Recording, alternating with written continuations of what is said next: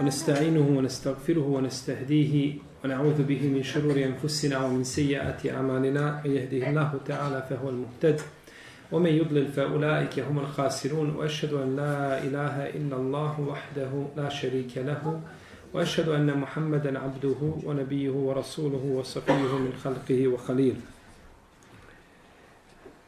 يا أيها الذين آمنوا اتقوا الله حق تقاته ولا تموتن إلا وأنتم مسلمون. يا أيها الناس اتقوا ربكم الذي خلقكم من نفس واحدة وخلق منها زوجها وبث منهما رجالا كثيرا ونساء واتقوا الله الذي تساءلون به والأرحام إن الله كان عليكم رقيبا. أما بعد فإن أصدق الكلام كلام الله تعالى وخير الهدي هدي محمد صلى الله عليه وسلم. وشر الأمور محدثاتها وكل محدثة بدعة وكل بدعة ضلالة ثم أما بعد Došli smo do Babu Džamije. Poglavlje u kome je autor spomenuo devet hadisa. Prvi hadis je, kako kaže autor, عن ne bi ابن ibn Riba'i al-Ansari عنه anhu قال رسول الله sallallahu الله عليه وسلم dehale ahadukum un المسجد فلا يجلس hatta yusalli ركعتين Od Ebu Katade ibn Riba'i al-Ansarija se prenosi da je poslanik sa alaihi rekao kada neko od vas uđe u džamiju neka ne sjeda dok ne, neka ne sjedne dok ne klanja dva rekiata. Ebu Katade Al-Ansari, o njemu smo govorili u poglavlju Istitabeta, o njegovoj biografiji. Ovdje kaže i da dehale ahadukumul mesčid, kada neko od vas uđe u mesčid. Ovdje se pod riječju mesčid cilja na posebni, ne na opći mesčid. Imamo opći, imamo šta? Posebni. Šta je opći mesčid? Ko zna? Kako mu sala? Skrajn Džuman, si to mislio? Aha. Ti si blizu. Opći, ne, opći. Aha. O, dobro. A posebni propis, posebni mešći bili bi oni znači koji su imaju znači imaju dokaz i i Kur'anu su da da imaju oni da su sveti u nekom pogledu. Aha, dobro. Znači mi posebno. Lepo, lepo. Opći mesčid, braćo, je ovaj, opći mesčid je sva zemlja. To je opći mesčid. Kaže poslanik sallam, džuje, džu'ilet lijel ard mesčiden o tahura. Učinjena mi je sva zemlja, čime? Mesčidom. Tako kaže poslanik sallam. Pa je to opći mesčid. A posebni mesčid je ovo. Posebni mesčid su ovo. Pa kada kažemo ko od vas uđe u mesčid, pa hoće da sjedne, Misli li se na opći na posljednji mesečid? Odeš kod babe na livadu, na njegovu zemlju, i kad sjeo, kaže, babo, sine, diži se, sjeo si u mesečid, klanja dva rekiata. To jeste mesečid s jedne strane, zato što je zemlja sva učinjena kako? Mesečidno. Međutim, ne cilja se hadisom šta? Posebni, ovaj opći, nego se cilja posebni mesečid. Jeste. I to je jasno iz hadisa, jel, ali niko ne doleme nije rekao ko želi da sjedne pod palmu u svome onome palmoviku neka klanja šta? Dva rekiata, tako? U ome hadisu je pogrda da se sjeda prije nego što se klanja šta? Namaz u džami nakon što se uđe. I u ome hadisu, u njegovoj općenitosti je dokaz da se tehijetul mesčit klanja u bilo koje vrijeme. Jer je poslanik sam rekao kada od vas neko uđe u džamiju. Možeš ti ući u zabranjeno vrijeme u džamiju? Možeš. Ali hadis znači nije ništa šta izuzeo. Govorimo ovaj hadis. Jesu li izuzeli drugi hadis? To je opet priča šta? Jer mi govorimo o fiku ovoga hadisa. Na što on ukazuje? Iz hadisa se može zaključiti da je tehijetul mesčid legitiman, znači dozvoljen u bilo koje šta vrijeme. Bilo u vrijeme zabrane ili mimo toga. Po ome pitanju imamo dva mišljenja kod islamskih učenjaka. Imamo šafijsku pravnu školu i kod nje imamo a, dva mišljenja. Imamo mišljenje da je to mekruh i da je dozvoljeno. I imamo treće da je dozvoljeno ako se uđe u džamiju ne s ciljem klanjanja u tom vremenu. Na primjer, čovjek došao u džamiju, ušao, hoće da uđe u etikjaf zadnjih deset dana. I ušao je u vrijeme kada? Predakša. Dobro, da li, kada ulazimo u tekif, u etikaf, da li ulazi prije akšama, nema akšama, ulazi posle sabaha, to je pitanje iz Sulema razišla. Ono što se zaključuje iz hadisa kod Buhari, da je poslanik sam ušao posle sabaha. No, međutim, nije bitno. Govorit ćemo o tome kad dođemo do etikaf. A, ušao čovjek u etikaf, pred akšam, pred ezan dvije minute. Ili pet minuta, nije bitno. Kada sunce otprilike šta? Zalazi. Kada je vrijeme, zabrane. I ušao, želi da boravi u etikjafu deset dana. Je li on ušao u džamiju da bi klanjao tehetul mesečid? Nije ušao u džamiju da bi ostavio etikjafu. Ili je čovjek poranio, došao ranije u džamiju, u džamiju, ušao u džamiju, došao na i došao u to vrijeme. No, međutim, ima još pet ili sedam ili osam ili deset minuta u vremenu, znači kada je šta? Mekruh, obaviti namaz. Jel u redu? Pa, klanja. Taj čovjek, znači, nije ciljano došao radi čega? Namaza. Nego je ušao, pa kažu šafijski učenjaci, to je kod njih treće mišljenje, kažu, ako je došao čovjek i klanja, ne želeći samo šta? Tehijetol mesčid, na filu u to vrijeme, dozvoljeno je u protivnom, nije. Znači, ne smije ciljano klanjati. Ili čovjek iziđe iz džamije u vremenu zabrane i ode promijeni abdest i dođe i hoće da klanja dva rekiata. Tijetul mesiča, izišao sam van džamije, doćemo do toga to ponavljanje, kad izlaziš napolje i vraćaš se, ili ponavljanje tijetul mesiča. On nije otišao da promijeni abdest da bi šta, ponovo klanjao tijetul mesiča. Ili da bi klanjao sunenul vodu u to vrijeme, u redu. Možeš klanjati jedno i drugo. Jer zabrana je došla, bilo sunenul vodu, je tijetul mesiča, ti su znači namazi koji imaju povod. Imamo brać hadis kod Buharije koji je pomeni ovdje ključni koji rješava ovaj problem. A to je od Ibn Omara da je poslanik sam rekao, kaže neka niko od vas ciljano ne klanja ovim vremenima. Šta kaže hadis?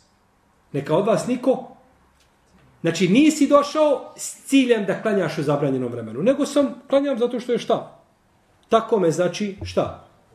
Zadesilo da klanjam. Nisam ciljano. I to je sad, znači, imama šafije, ovaj ili ova dozvola i odabrao ga je šejh Islam ibn Taymije i to su odabrali savremni učenjaci Ibn Baz ibn Semin ovaj to su miše odabrali mislim čak da je to stavi šejha Albanija Ibn Džouzi i drugi dokaže Ebu Hanife i Euzaji, i Leith i Malik i drugi kažu da ne može oni uzimaju šta hadise koji kažu da je zabranjeno klanjati u određenim vremenima kažu kako je zabranjeno klanjati ovaj bilo kakve na file tako je zabranjeno klanjati na file koje imaju povode U svakom slučaju, ovaj, kada bismo htjeli dokazivati, mogli bismo dokazati uz Allahu te barak tala pomoć da namazi koji imaju povode u zabranjenim vremenima nisu zabranjeni. Poslanik je sam vidio čovjeka koji klanja posle sabaha.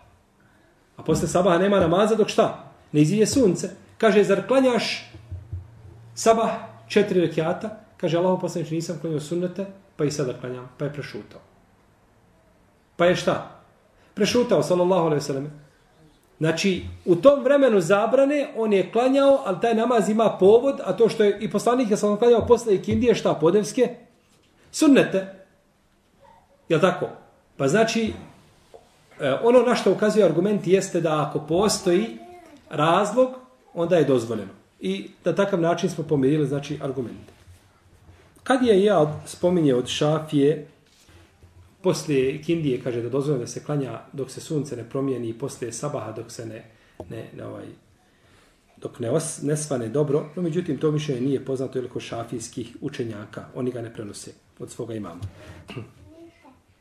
Pa bi zabrana dakle bila za namaze, kada kažemo zabranjeno klanjati u određenim vremenima, namaze koji šta nemaju povoda, nemaju znači posebnog razloga, nego ti ustaneš prije akšama na 10 na 10 minuta i klanjaš na film. Ti onako, dva rekata ime Allah, Allah. Nema nikakvog šta. Ni tehijetul mesčid, ni sunanul vudu, nije znači poseban namaz koji, nego samo tako klanjaš. E, na tebi se znači namaza odnosila zabrana. Šta je dokaz još da namazi koji imaju povod da se klanjaju u vremenima kad nije pohvalno klanjati? Dokaz je to što čovjek koji uđe petkom na džumu i nađe imama na mimberi, hoće klanjati ta dva rekiata? Hoće. Klanjati ta dva rekiata. Jer je poslanik sam pomenuo Sulejka al-Gatafanija, kaže mu, ja fulan Sulejt, se klanjao, nisam, kaže, kum ferka rekiatejni oteđevuz fihima, kaže, ustani, klanjaj dva rekiata i skrati ih. Dobro, zar nije preče da on sjedne i da sluša šta? Hutbu. I ljudi su drugi tu. Morat ćeš doći na sred džamije i zakloniti trojici, peterici, desterici ljudi za sebe koji šta, gledaju imama. I ti klanjaš dok drugi sjede. Znači sve ra, no međutim, poslanik sam nije mu našao tu opravdanje, nego kaže ustani klanjaj, ali skrati tad barakijat. Pa dok mu je poslanik sam naredio da u tom vremenu kada treba slušati imama i slušanje hutbe je vađib, da on klanja, ukazuje šta? Da namazi koji imaju povod, da se klanja u vremenu kada nije pohvalno šta? Klanjati. Kada bi ti klanjao dva rekiata tehijetul mesčida, i kažeš, sad ću ja još dva rekiata na file, nek hođa priča, ima vremena, ja ću još dva rekiata klanjati. Možeš? Ne možeš. Znači, namaz u to vrijeme nije. A zašto ti je dozvojen tehijetul mesčid? E, zato što to namaz šta? Sa povodom. Razumijete znači gdje je razlika? A hadis u kome se navodi da je poslanik sa osaname ovaj, rekao nema namaza ni priče kada se popne imam na minberu, taj namaz je daif. Daif, bilježi ga tabarani i on... Šta sam ja rekao? Taj hadis je daif. Taj hadis je daif. Namaz ne može biti daif. Namaz, namaz može biti batel. Može biti batel. Dobro. Dakle, hadis kod tabaranije ima ravija koji se zove misli ili je Nuhejk ili je Ibn Nuhejk. On je daif džidden pa su njegovi hadisi batil, neispravni. Što hadis nikako ne može poslužiti kao argument. I pored toga taj se hadis kosi sa praksom koja je došla kod muslima. Jer je kod muslima Allah poslanika kao me čovjek kaže šta? Ustani, klanjaj. Kosi, znači hadis je kao hadis daif i još se kosi sa vjerodostojnom praksom koja je došla od poslanika sa osam ustani, klanjaj. Jel u redu? Pa čovjek kada ušao u džamiju, kada nigdje ne mogao naći mjesta da klanja, da stane, kad bi sjeo da klanjao sjedeći, to mu je bolje nego da sjedne da ne klanja nikako. Taban kada bi sjedeći klanjao, to mu je bolje nego da ne klanja nikako. Ovdje je poslanik sa osanem rekao neka klanja, došla je naredba. A naredba povlači šta? Obavezu. No, međutim, većina izrazita, većina islamskih učenjaka, pravnih škola, kažu da je to naredba za istihbab. Nije naredba u smislu da je vađib. Čak Ibn Hazm koji se uvijek jeli, poziva na a, spoljašnje značenje argumenata, tako i treba da bude, to je osnova, samo što Ibn Hazm Rahimehullahu Teala u tome a, kontekstu a, prešao granicu koju nisu prelazili drugi učenjaci, on kaže da je tehetul mesri sunnet. Ne kaže znači da je hađi. U svakom slučaju izrazita manjina kaže da je i on dokazuje to Adisom da je jedan čovjek zakasnio i ušao u džamiju i počeo da ide preko, re, preko safova, je tako? Kao kod nas, kod nas se često dešava, vidjet ćeš čovjek uđe u džamiju, od safa do safa, preko safa, između jednog, između drugog, između trećeg i u prvi saf. Znači, prođe 20 safova, probije cijelu džamiju i gore i u prvi saf dođe. A ušao si minutu prije ezana. To je musibet, to je belaj. To je zulum drugim ljudima. Jedino ako je u džami ljudi kao kod nas kada se rasporedi tako između svakog imaju još dvojica mogu sada prođe što je drugo. No međutim da ra razmičeš ljude da bi ti prošao, da bi došao gore negdje svidio prazninu, ta praznina će se popuniti znači kada se safovi dignu i tako dalje, no međutim da čovjek ometa ljude, to nije ispravno. Pa kaže poslanik sam tome čovjek kaže iđlis fekad adejte wa enejt. Kaže sjedni, kaže zakasnio si još ometaš ljude. Pa mu nije naredio šta da klanja, no kaže sjedni, Jel u redu. Pa je to dokaz da tijetul mesec nije šta? Nije vađi. Može li ovaj hadis biti dokaz? To. Pa šta? Moguće da je klanjao negdje pa prišao. Znači ne stoji da nije klanjao. Mi kada pitamo da li je klanjao, kažemo ne znamo. Ne znamo da li je klanjao. Postoji mogućnost da jeste, to se ne zna. Nego ovdje šta zaključujemo da je poslanik sam sam njega osudio da sjedne zato što je šta? Jer isto tako možemo kazati postoji mogućnost da ga je poslanik sam sam vidio da klanja, je tako? Pa, da je klanjao, pa nakon toga rekao šta? Sjedni. Jer osnova kod sahaba da su klanjali taj jedan mesec ili da nisu klanjali? Da su klanjali. Pa onda ćemo prije kazati možda je negdje klanjao, no međutim ovaj hadis sam po sebi ne može znači biti argument. I te jedan mesec, jel braćo, pozdrav je, kažemo, tehije u arapskom je pozdrav. وَإِذَا ida بِتَحِيَّةٍ bi بِأَحْسَنَ مِنْهَا bi. Kako kaže uzvišenje Allah u Kur'anu. Kada budete poselamljeni jednim pozdravom, vi odpozdravite bolim istim ili ljepšim od njega. Istim ili ljepšim od njega. Pa mi klanjamo tehijetul mesčid u džamiji, ali klanjamo to Allahu. Je tako? Tehije je pozdrav. Ti kada uđeš u kuću vlada, kada uđeš u kuću, ne znam, kralja, dvorac kralja, ako te pusti da uđeš. Je tako? Ti pozdraviš koga? Kralja ili kuću? Kralja. Pozdraviš vlasnika, gospodara, jeli, gospodar u smislu vlasnika. Tako i mi time pozdravljamo, odnosno da kažemo, klanjamo tehijetul mesčid, klanjamo to stvoritelju te barake hotela. U ovome hadisu je dokaz da se tehijetul mesčid klanja dva rekiata. I to nema razilaženja među islamskim učenjacima, znači da se klanjaju dva rekiata i da je to sunnet. Po konsensusu leme je sunnet. A neki kažu da je vađib. Pazite što sam rekao. Po konsensusu leme je sunnet, a neki kažu da je vađib. Je li ispravno tako kazati? Ko je rekao jeste? Koji ja? Haj pojasni. Kako može biti sunnet u isto vrijeme, a neki kažu da je vađib. Dobro. To je lijepo mišljenje o bratu muslimanu. Molim? Braćo, ja sam kazao ovako. Sva se ulema složila da je tehijetul mesrid sunnet. Konsensus da je sunnet. A neka skupina kaže da je vađib. Kako onda može biti konsensus da je sunnet? Svi sveti sunnet, a ne kaže, a možda još ne vađib da Pa, znači, oni koji skazali da je vađib, jesu kazali da je sunnet prije toga? Pa, naravno, to je sunnet bez razilaženja, to je kod njih nema sumnje, nego oni idu i dalje pa kažu da je šta? Zato kada kažemo, ulema kaže da je nikab, sva ulema kaže da je nikab sunnet. Kod nikaba imamo dva mišljenja, da je vađib i da je sunnet. Trećeg nema na zemlji, rodio se u ome vremenu. Rodilo se ljuljaj. U redu? Rodilo se i moramo ga ljuljati. No, međutim, to nije se rodilo nikada ranije. Od vremena poslanika do današnjeg vremena nije se rodilo mišljenje da je nikab bidat i da je nikab haram. To se da, sad rodilo u ome vremenu zbog hala i stanja u kome se mi nalazimo. Vala havla vala kuvete ila bila. Imamo dva mišljenja. Dobro, konsensus u Leme je da je nikab sunnet. Nema razilaženja. Jer svi oni koji su kazali da je vađib, oni u isto vrijeme prije toga kazali šta? Da je sunnet. Ne može biti, ne može doći tako. Znači, A ono sve što je vađib u isto vrijeme je sunnet. Bez ikakve sumnje. Jer svaki vađib objedinjava u isto vrijeme jel, i sunnet. U redu. Ulema dakle kaže to je sunnet tehijetul mesrid, a neki kažu pojedinci od uleme da bi mogao doći do stepena vađiba. Šeha Albani je dobro da je vađib. Rahimahullahu ta'ala, to je besara. Dalje, Eh, vađib za na vudžub su otišli Davud Zahiri. Znači, prvi osnivač zahirijskog mezeba, koga je nakon toga pomogao Ibnu Hazmi i udario njegove temene, Davud Zahiri je rekao da je to da je vađib. Malikijski mezeb kažu da je to od nafila, jer on razlikuje na nafila i suneta i fadaila. Pravi razliku znači. Oni koji kažu da je vađib, drže se isto toga što je poslanik s.a.v. zabranio, znači da se sjeda prije što se klanja. A kažu zabrana je, šta? Zabrana je za haram. A naredba je obaveza. Pa kažu imamo zabranu da sjedeš i naredbu da klanjaš. Naredba je obaveza, a zabrana je za haram. Pa time znači dokazuju.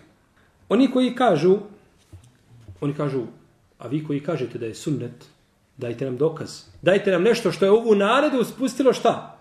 Na niži stepen, u redu. To smo govorili o spuštanju naredbi, toga sećate. Ovdje imamo naredbu i zabranu.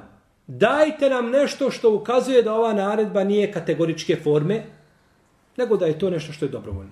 Kažu, mi imamo dokaz. Ova druga skupina većina kažu, mi imamo dokaz. Dokaz je hadis u kome je poslanik sa osam kaže, pet namaza je Allah propisao čovjeku jednom danu i noći. Ko bude pazio na njih i čuvao ih, ha, pet namaza je Allah propisao robu u danu i noći. Koji bude pazio i čuvao, na Allahu je da ga uvede u džennet. I drugi hadis, onaj čovjek, koliko mi je, kaže, Allah propisao namaza, kaže poslanik sam pet. Kaže, neću ni dodati ni odzvet. Kaže, in sadaka fekad efleh. Ako je istinu rekao, uspio je. Pa kaže, ovo pet, nema, nema šestog. No, međutim, ovi odma, ovi drugi učenjaci dolaze sa, šta, kontrargumentom. Kažu, a šta je sa dženazom? Je ona vađa? Kažu, jest. Pa kako? Kaže, šta ćemo sa dženazom? Mora, moraš sad da isključi? Ako zbog ove hadisa isključuje šta, tehijetul mesčid, moraš isključiti u isto vrijeme šta i? I dženazu. Pa kažu, ne može hadis biti. Nego hadis govori o pet dnevnih namaza koji su propisani i kažu naravno da tehijetul mesčid nije na stepenu čega? Propisanih namaza. U redu. U svakom slučaju, ono što je poznato kod džumhura islamskih učenjaka jeste da je to sunnet. Ali nema sumnje, braćo, da ovaj sunnet na najvećim oblicima, stepenima iz tih baba i da čovjek to ne treba ostavljati. Znači, ne ostavljajte hijetul mesrid nikako. Gdje god da, osim Allahu dragi, da uđeš u džamiju, znači klanjaš hijetul mesrid, ovaj, a, da ćeš napraviti sve belaja i problema, e onda i izazvati nered, molim Allah da čovjek tada ima opravdanje. Ali, ali u protivnom ne treba čovjek da ostavlja nikako ovaj sunnet. Prolazeći kroz džamiju, znači nije mu cilj šta da boravi u džami. Neće znači sjedati. Hoće li klanjati ova dva rekiata? Čovjek dakle želi proći kroz džamiju. Na jedna vrata ući, na druga izaći. Ili ući u džamiju, nešto uzeti i izaći napolje. Neće sjedati. Treba li klanjati ova dva rekiata? Kontekst hadisa ukazuje da ona je samo ko šta? Ko želi znači da sjedne da klanja ta dva rekiata. No međutim imamo predaju kod Ebu Davuda koje se kaže ko uđe u džamiju neka klanja dva rekiata. A potom neka sjedne ako želi ili neka obavi svoj potrebu. Je u redu? Ko uđe u džamiju neka klanja dva rekiata. Potom ako želi neka sjedne ili neka obavi svoj potrebu neka ide. Pa ukazuje, znači ovaj hadis šta da? Nije uvjet da mora šta? Sjest. No, međutim, oko vjerostojnosti ovoga hadisa postoji razilaženje. Neki učenjaci kažu da u lancu prenoslaca ima ravija koji je mečhur, koji je nepoznate biografije. U značenje ovoga hadisa ulaze sve džamije. Osim što neka olema kaže, izuzima se samo el mesčidul haram. Izuzima se, znači, jeli, mesčid koji je mesčid Kjabe, zato što je tavaf u ovome slučaju šta? Tehijet. Tavaf je tehijet. No međutim, hadis u kome se kaže at tawafu tahiyatul bejt je daif. U stvari taj hadis nema nikakva osnovu. Nigdje lanca prenoslaca taj hadis nema. Kako kažu hadiski stručnjaci. Znači on je, to su riječi fakriha, a nisu nikako riječi poslanika sallallahu alaihi sallam. I onda on je tehijetul bejt, kjabe. A je li mesčida oko kjabe? Kaže samo za kjabu. Tako da je ispravno da je kjaba, isto znači ima šta? Tehijetul mesčida. Znači kada čovjek uđe, isto tako znači kao je bilo koja druga džamija bez ikakve razlike. Čovjek koji uđe u poslaniku sa vasalame džamiju, hoće li početi a, sa selamom na poslanika sa vasalame ili će početi sa tehijetom mesčidom, tu je razilaženje među učenjacima kaže ima Malik da će početi sa selamom. Iako spoljašnje značenje hadisa ukazuje da se prvo počinje sa tehijetom mesečidom. Jer je čovjek ušao u džamiju i klanjao tehijetul mesečid i prišao poslaniku sa osanom i poselamio ga. Pa kaže poslanik sa osanom, vrati se i klanjaj ti nisi klanjao.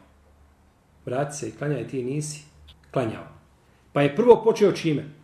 Namazom, potom selamom. Pa ispravno da prvo Pa ako je poslanika sa svem prvo klanjao pa ga poselamio živog, isto će tako urati šta? I nakon njegove smrti, sallallahu alaihi wa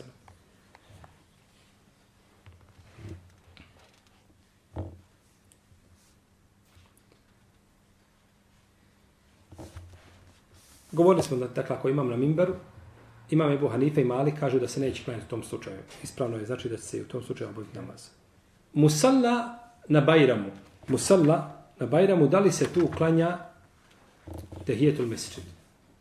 Neki učenjaci kažu, to je Ibnu Semin odabrao da se klanja. Zato što u jednom hadisu nazvano to mjesto musalla. I kaže se za žene koje imaju ciklus, ja te musalla, neka odvoje se od musalle. Pa je kažu to nazvano musallo. No međutim, ispravno je da, kazali smo da se tehijetul mesir cilja šta? Opći ili posebni? Posebni. Tako da musalla To jeste musalla u smislu da se tu klanja jezički. Musalla je mjesto gdje se obavlja sala, namaz, gdje se klanja. Ali to nije znači značenje posebno džamije, tako da se na tom mjestu ne klanja šta? Tehijetu el mesir.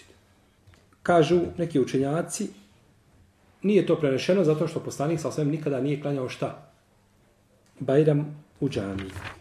No međutim, ima hadis kod Ebu Davuda da je poslanik sallallahu alaihi wasallame klanjao u mesčidu Bajram zbog kiše. Bila je kiša pa je klanjao Bajram gdje? U mesčidu. Ima hadis kod Ebu Davuda. I kod Hakima. Hakim ga ocjenjuje vjerodostojno.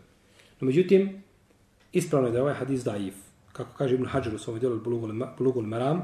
I tako kaže tako kažu imam a, drugi jeli, hadijski stručnjaci. Neki ga ocjenjuju dobrim. U svakom slučaju, ispravno da je ovaj hadis daif. Ponavljanje tehijetul mesečida. Znači da se više puta ponovi tehijetul mesečida. Znači uđeš u džamiju, pa izlaziš, pa opet uđeš, pa izlaziš. Ispravno je da čovjek ako, ako ulazi znači više puta i sjeda u džamiju, da se ti, da se tehijetul mesrid znači ponavlja.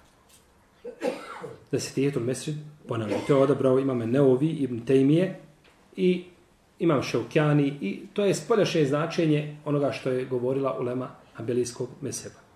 Znači da se ponavlja tehijetul mesrid.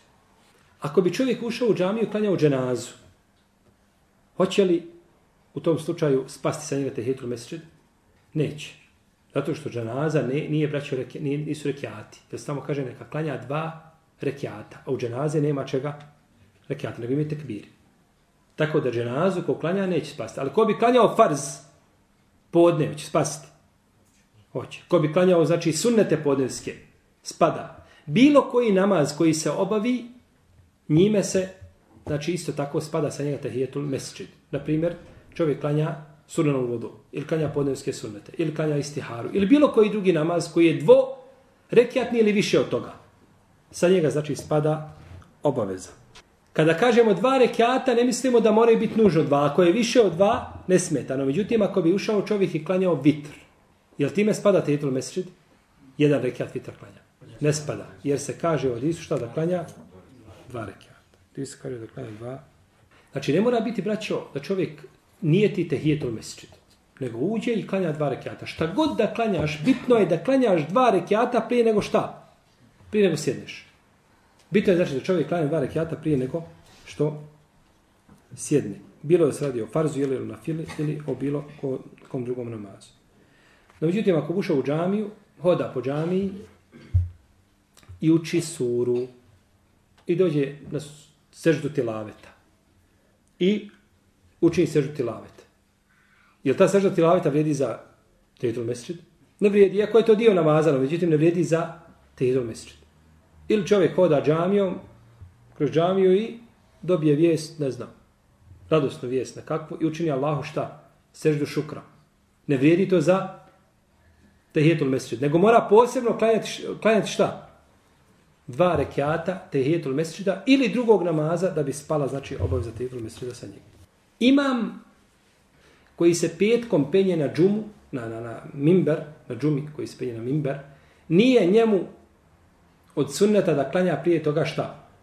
Znači da uđe, da klanja i da se onda penje. Ne, nego dolazi kroz, u džamiju i direktno se šta penje na mimber. U arapskom svijetu mnoge džamije imaju posebna vrata za mimber. Imam dolazi okolo džamije i ulazi i pravo sa vrata ide na... Ili su vrata blizu čega? Znači ne mora ići kroz safove jer imam ne mora doći, obično imam biva zaposlen pripremanjem hutbe i tako dalje, dojeli ponekad do zadnjeg momenta ostaje, priprema hutbu i izlazi šta? Imate jedan, kaže im od imama, kaže ja pripremam hutbu kada se penjem na stepence na mimbar. Pripremam hutbu. Što ću pričati? A drugi kaže kada sjedne. Kada sjednem gore, kada se uči šta? Ezan, on priprema ljudima hutbu. Što je zločin. To je zločin. Znači da čovjek dođe pred masu od 500, 600 ili 1000 ili više ljudi i nisi se pripremio šta ćeš ljudima govoriti. Najveća ulema koja je današnjice koji mogu sjediti i pričati o čemu hoćeš danima, pripreme se i znaju šta će pričati. I, zna gdje, I zato čovjek mora znati kada nešto priča gdje će početi i gdje će završiti. A ne da dođe ljudima i da miksa. Uzmeš ga od la ilaha illallah pa ga provoda skroz sve islamske imanske šartove i opet ga vratiš nazad na la ilaha illallah. Tema znači mora biti ograničena, znaš šta ćeš pričati, gdje ćeš početi i gdje ćeš završiti. I to je bila praksa znači kroz generacije. Bio najučeniji ili najmanje učen, mora imati čovjek pripremnu koncepciju šta će pričati. Pa čovjek, znači, to bi bilo lijepo, znači da ima za imama posebna vrata, ulazi i znači ne, nema znači nikakvog kontakta šta. Nema, znači neće ometati ljude da prođe kroz safove, a i kad završi džumu, lakše će moći šta? Pobjeći od džemata. Je Tako. U svakom slučaju to je jedna lijepa stvar. Lijepa stvar znači da budu posebno vrata jeli, za imam. Isto tako nije pohvalno da čovjek počne sa tehitul mesečidom ako ulazi u džamiju, a ljudi se pripremaju za namaz. Ili je blizu i kamet. Ili je počeo namaz. Tebi je dužnost šta da se priključiš. I ovo priključivanje namaza, ovo je bela kod nas. Šta puta dođeš u džamiju, ulaziš, čovjek se vraća. Kaže, oni su već počeli. No to, one objeđenja, znači oni ako su počeli, ti si završio svoje. Jer on ne zna ni gdje su, ni šta su i kada preselame, šta će on jadnik? On je tada u mukama i u belajima i on neće da se izlaže onome što ne može šta podnijeti, je tako?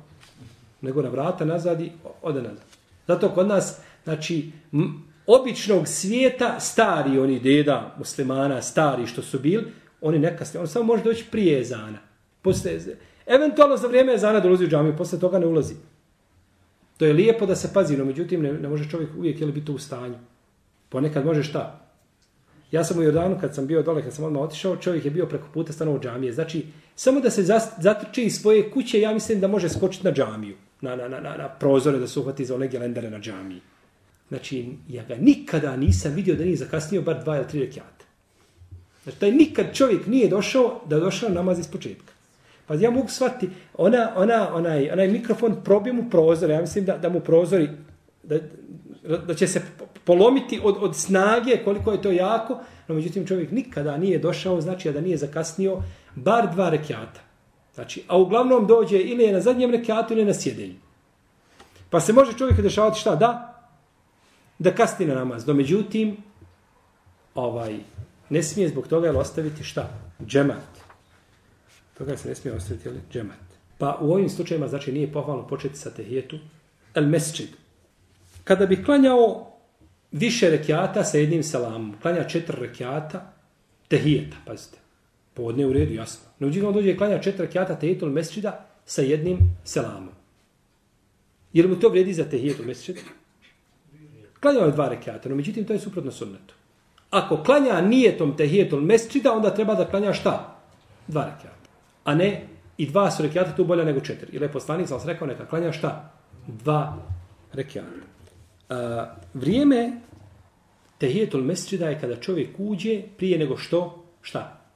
Sjedne. To je vrijeme tehijetul mesčida. Pa kada bi čovjek ušao u džamiju, nije zaboravio, zna da treba klanjati dva rekiata, poznaje propis, I nije zaboravio. I pored toga namjerno šta? Sjedne, ne mora više ustajati. Gotovo. Jel u redu? Jer je, jel prošlo vrijeme? Ha? Jeste, gotovo vrijeme je prošlo. Tvoje vrijeme je bilo dok nisi, dok si sjeo namjerno i nisi zaboravio. Poznaješ hukm i propis. Gotovo vrijeme je prošlo, ne trebaš se više dizati, ostani kako jesi. Velika te je nagrada prošla, a pored toga ružno se postupio. Jer je poslanik sam upozorio, ona kaže, ustani, kaže, i još jednoj predaj kaže, vola te udenne le misli hada, kod Ibn Hibana ima predaj, kaže, mu nikad više se vratio, tako nešto uradiš. Pa čovjek, znači, ne treba to, čovjek to ne treba ostavljati, tako? Nemoj se više vratiti da tako nešto uradio. Ovo je argument jako nima koji kažu da je vađiv. Da kaže, ne bi poslanik sa tako osudio žestoko za ostavljanje sunneta. No, međutim, ako čovjek uđe pa ne zna propis ili zaboravi, ti mu kažeš, pa je sklanio, u, subhanallah, vidi šta da je, zaboravio, ustane, klanja, ne smeta. Jer čovjek koji zaboravi, preko toga mu se prelazi. Može to uraditi nakon toga, ili da ne zna, da ne zna, pardon, da ne zna hukm, propis. Takav čovjek može šta ustati, ponovo obavi, znači klanjati ono što je, što nije klanjao, je tako? No, međutim, ovaj, ako zna propis, tada je izgubio tu nagradu. Ako čovjek uđe u džamiju, a mujezin uči ezan, sačekat će, ponavljat će za mujezinom i onda će nakon toga klanjati dva rakijata. Mi nemamo argumenta u šeju da kažemo imamo hadis koji kaže kada čovjek uđe u džamiju, mujezin uči ezan, neka sačeka, neka... Po... Nemamo toga. Nego to je jednostavno da bi ti uzeo nagradu jednog i drugog. Ušao si, stojiš i ponavljaš za kim? Za mujezinom. Ako klanjaš dva rekiata, nećeš ponavljati za, za mujezinom. Pa ćeš ovako i ponavljati i proučiti dovu ezansku nakon toga i klanjati opet šta? Dva rekiata nisi sjeo. Zato, e, s te strane je došlo da ljudi stanu, stoje, čekaju šta da se prouči. Ezan. Nema hadisa, nego jednostavno da uzme dvije nagrade. Osim petkom kada se uči drugi ezan, ili prvi gdje se uči jedan. Kada imam na mimberi, dosta naše braće, ja sjedim na mimberi, on uđe i čeka. čeka dok se prouči ezan i onda počne klanjati kada počne hutba. To je pogrešno. To smo kazali više puta. Kad uđeš u džamiju, imam na mimberi i uči se ezan, odmah i klanjaj dva rekiata. Odmah, znači klanjaš i to i skratiš da bi šta? Stigao hutbu iz početka. A nećeš čekati da završiš šta? Ezan, da ponavljaš, jer tada si propustio drugu stvar, to je hutba. Pa kad dođe, slušanje hutbe je vađib, a ponavljanje za mojezinom je šta? Pa čemu ćeš dati prednost? Vađibu. A kako ćeš doći do vađiba ako počneš odmah sa? Je u redu. Znači, to je greška koja se često dešava. Isto tako, ako je hatib, ti si ušao, došao ovdje, tražio parking, je tako?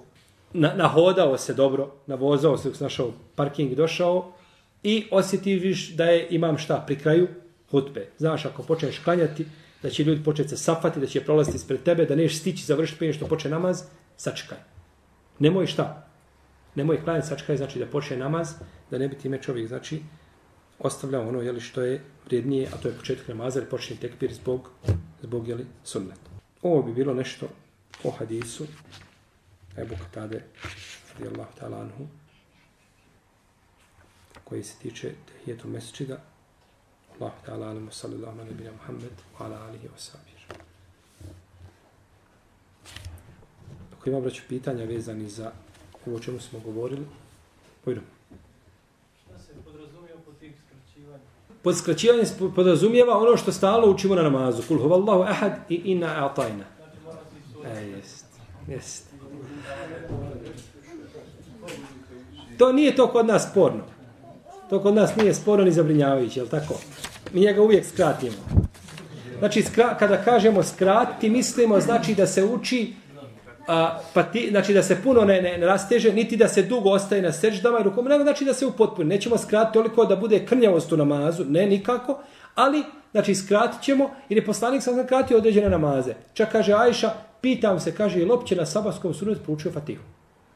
Ili li opće proučio Fatihu? Ne suru, nego Fatihu ili li opće proučio? Znači ponekad da čovjek skrati namaz, da prouči suru, Fatihu suru, uči ruku, da kaže tri puta, tri puta Subhane Rabijel uh, eh, Azim, Subhane Rabijel Azim, Subhane Rabijel Azim, pa da se digne, nema smetnje. Možda čovjek žuri, možda je zauzeti i tako dalje, a ovdje, znači, ako čovjek skraćuje, onda treba skrati u smislu, jeli, da ne, na, ne učini a, a, krnjavost u namazu, ali ne sada da ga rasteže i da tako, jeli, počne imam sa hutbom, a on nije završio. Jesu. Assalamu alaikum, šehi, da li je dozvoljeno otkriti koljeno pred majkom? Da li je dozvoljeno otkriti koljeno pred majkom? Koljeno, da li je koljeno avret? Tu je razilaženje veliko među islamskim učinjacima. Znači, oni kažu, u principu, džumhur kaže da je kod čovjeka avret od pupka do koljena. No, međutim, razilaze se da li ulazi pupak i koljeno, da li ulaze u avret ili ne ulaze. Znači, to je razilaženje. U svakom slučaju, veliko je razilaženje među lemom, U svakom slučaju preče je i bolje ne otkrivati, znači ako je našto osoba punoljetna, da ne otkriva svoje koljeno osim pred svojom suprugom ili svojim suprugama ili svojim robkinjama. Ako ih ima. Jel? U protivnom ne. Znači da ne otkriva pred majkom šta? Koljeno. Pred majkom da ne otkriva koljeno. Znači i da izbjegava i ono drugo što je da hoda, na primjer, znači gornji dio da nema ništa na sebi ili samo onaj potkušio s bijelim tregerima i tako dalje, preče je čovjeku znači da bude, a u tom slučaju znači da bude obučen, bar da ima znači nešto što je kratki rukava, nego da otkriva, jer određene stvari, iako nisu, znači avret, nije ih znači pohvalno otkriva. Šta mislite da čovjek izje na pijecu i gore skroz slobodan, ništa gore nema, samo dole ima, znači pokrio je pupak do ispod koljena i takav hoda kroz pijecu, ko bokser kakav. Šta ćete kazati za njega? Ovaj čovjek ovaj pa, pa drži, drži do sebe i tako da. Nije. To je, braće, stvari koje su kod islamskih učenjaka bile od, od eh, uh, havarimul muru'a, čovjeku, njegovu čovječnost uh, uh, ovaj, skrnavile i da se od takve nisu ni predaje primale i da su to dobijali njihova šehadete. Tako da čovjek, znači, mora na ove stvari paziti. Jeste. Šehrana, šta je sa iščekivanjem tih hitrom meču da kad ovako ništa uđe u ove bosanske džemate, pa uskoro će zaušti ezan, sad da ne bi malo nezgodno ono, mi klanjamo tih hitrom meče, da onda on počnu klanjati, mi sjedimo, može se sačekati ti par minuta, kad bošnjaci ono znaju da se prouči ezan, da ono klanju četiri rekiata ovi Ti da. Da li, da li je došlo da se stručni i da se sačka ili treba odmah klanjati? Ne sjest, nego eto, sačkati u čošku. Ko tebe belaj kad stojiš? Ti to misliš samo za džumu Za džumu. Ovo je za džumu pitanje. Bolje je čovjeku da sačka i da klanja sa ljudima. Znači, bolje je da sačka da ako slušao ranije, ne možeš stići prije ezana, sačka da ezan počne. Za... Jer ti nisi napravio nikakav prestup. Stani.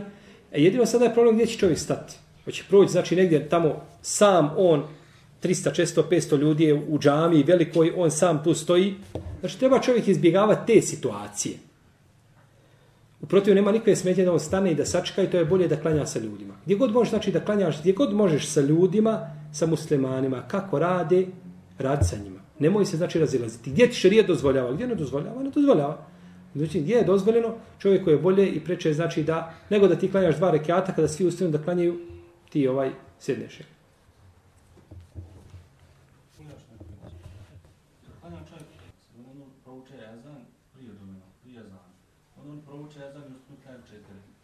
A ima onaj hadis gdje poslanik, gdje, gdje sti govorio da poslanik se rekao da treba uvijek klanjati dva rekiata poslije ezana. Dobro? Može li taj čovjek ustati klanjati dva rekiata? S tim nije to. Kada bi čovjek tada ustao da klanja dva rekiata na file općenite, Da, da. nema zabrane. Nema zabrane. No međutim, stvar je u tome što nije u vrijeme poslanika, sa sam nis bila dva ezana. Nego je bio i ezan. Bio je jedan ezan nakon što poslanik sam sjedne na šta? Na mimbar. I to je taj ezan koji je šerijatski, znači šta? A, ko- koji je šerijatski, a, a, molim? Utemeljen i na, na, na osnovu koga se, a, mi, na koji se mi pozivamo i na osnovu njega se prave propisi. To je taj znači ezan koji je kada, kada imam sjedne na mimbar. Tako da ovaj čovjek ako bi tada klanjao općenitu na filu, nema zabrane, no međutim nije poslanikova sa osvijem praksa bila da u to vrijeme klanja. Znači nije bila praksa, on došao je sjeo i učio bi bila lezan i nakon toga bi se digao i, i držao znači hudbu.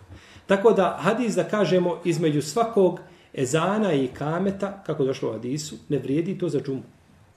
Jer u vrijeme džume je bilo potpuno drugačije. Poslanik dolazi sa osaname, prouči se ezan i on se digne i šta? Drži hutbu. Jer se digli ljudi da klanjaju? Kaže Ibn Kajim, ko kaže da se ljudi digli i klanjali, a poslanik sam čekao, kaže, taj nema pameti. Ovako kaže.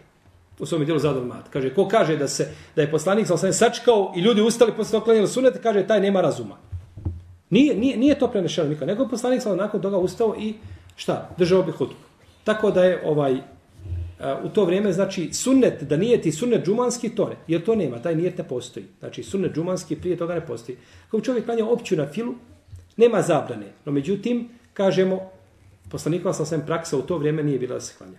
Jeste. Ovaj brat ovdje što nam se javlja ima lijepo prezime. A ime ćemo mu promijeniti. Daćemo mu ime Abdurrahman. Pošto on nas čuje, znači je ovo ime neka makne, a stavit ćemo Abdurrahman mjesto njega. Poslanik sam sam kada vidio ime koje nije u značenju lijepo, on mi ga promijenio. Je tako? Pa će biti Abdurrahman. Pita naša brata Abdurrahman, naravno ako se on slaže s tim imenom, protiv može uzeti Abdullah, može uzeti može uzeti El Haris. Jer je poslanik sam rekao, najdraža imena Allahu su Abdullah i Abdurrahman. To je kod Buhari i kod muslima. A kod Ebu Jale se dodaje u El Haris. I Haris, jeli onaj lavčina. Da li je dozvoljeno slušati Bad Box? Bad Box, to je ono kad ustima, mm, ustima kad im uvijaju i emitiraju. Jeste slušali to kada? Znači, isto kao muzički instrument napravi, još oni to dorade, znači, sa ovim programima i ustima napravi u stvari muziku, ništa drugo. Znači, to nisu muzički instrumenti, a biva šta? Muzika. Pa insan nastoji na bilo kakav način, znači, sebi upakovati nešto sa mašnom, da ima, znači, nije, ali, ali jeste, znači, napravio je sebi od usta muzički instrument, jel? Allah alam insanu znači, je, znači, najpreće da ovakve stvari da ostavi. U tome je šubha velika. Ja znam da su šehovi sto kod nas u Jordanu dole osuđivani. Znači, kažu, to je pokušaj, znači da se putem, jeli, kompjutora i, i tih ovaj, usnih tih glasova i tako dalje, da se, da se to, znači, stavi u kalup muzike. I onda to, i uz to neko pjeva, i snimi se kaseta ili CD sada, i ti slušaš kao, kao, kao nekakav orkestar, kao nekakva skupina. Jel?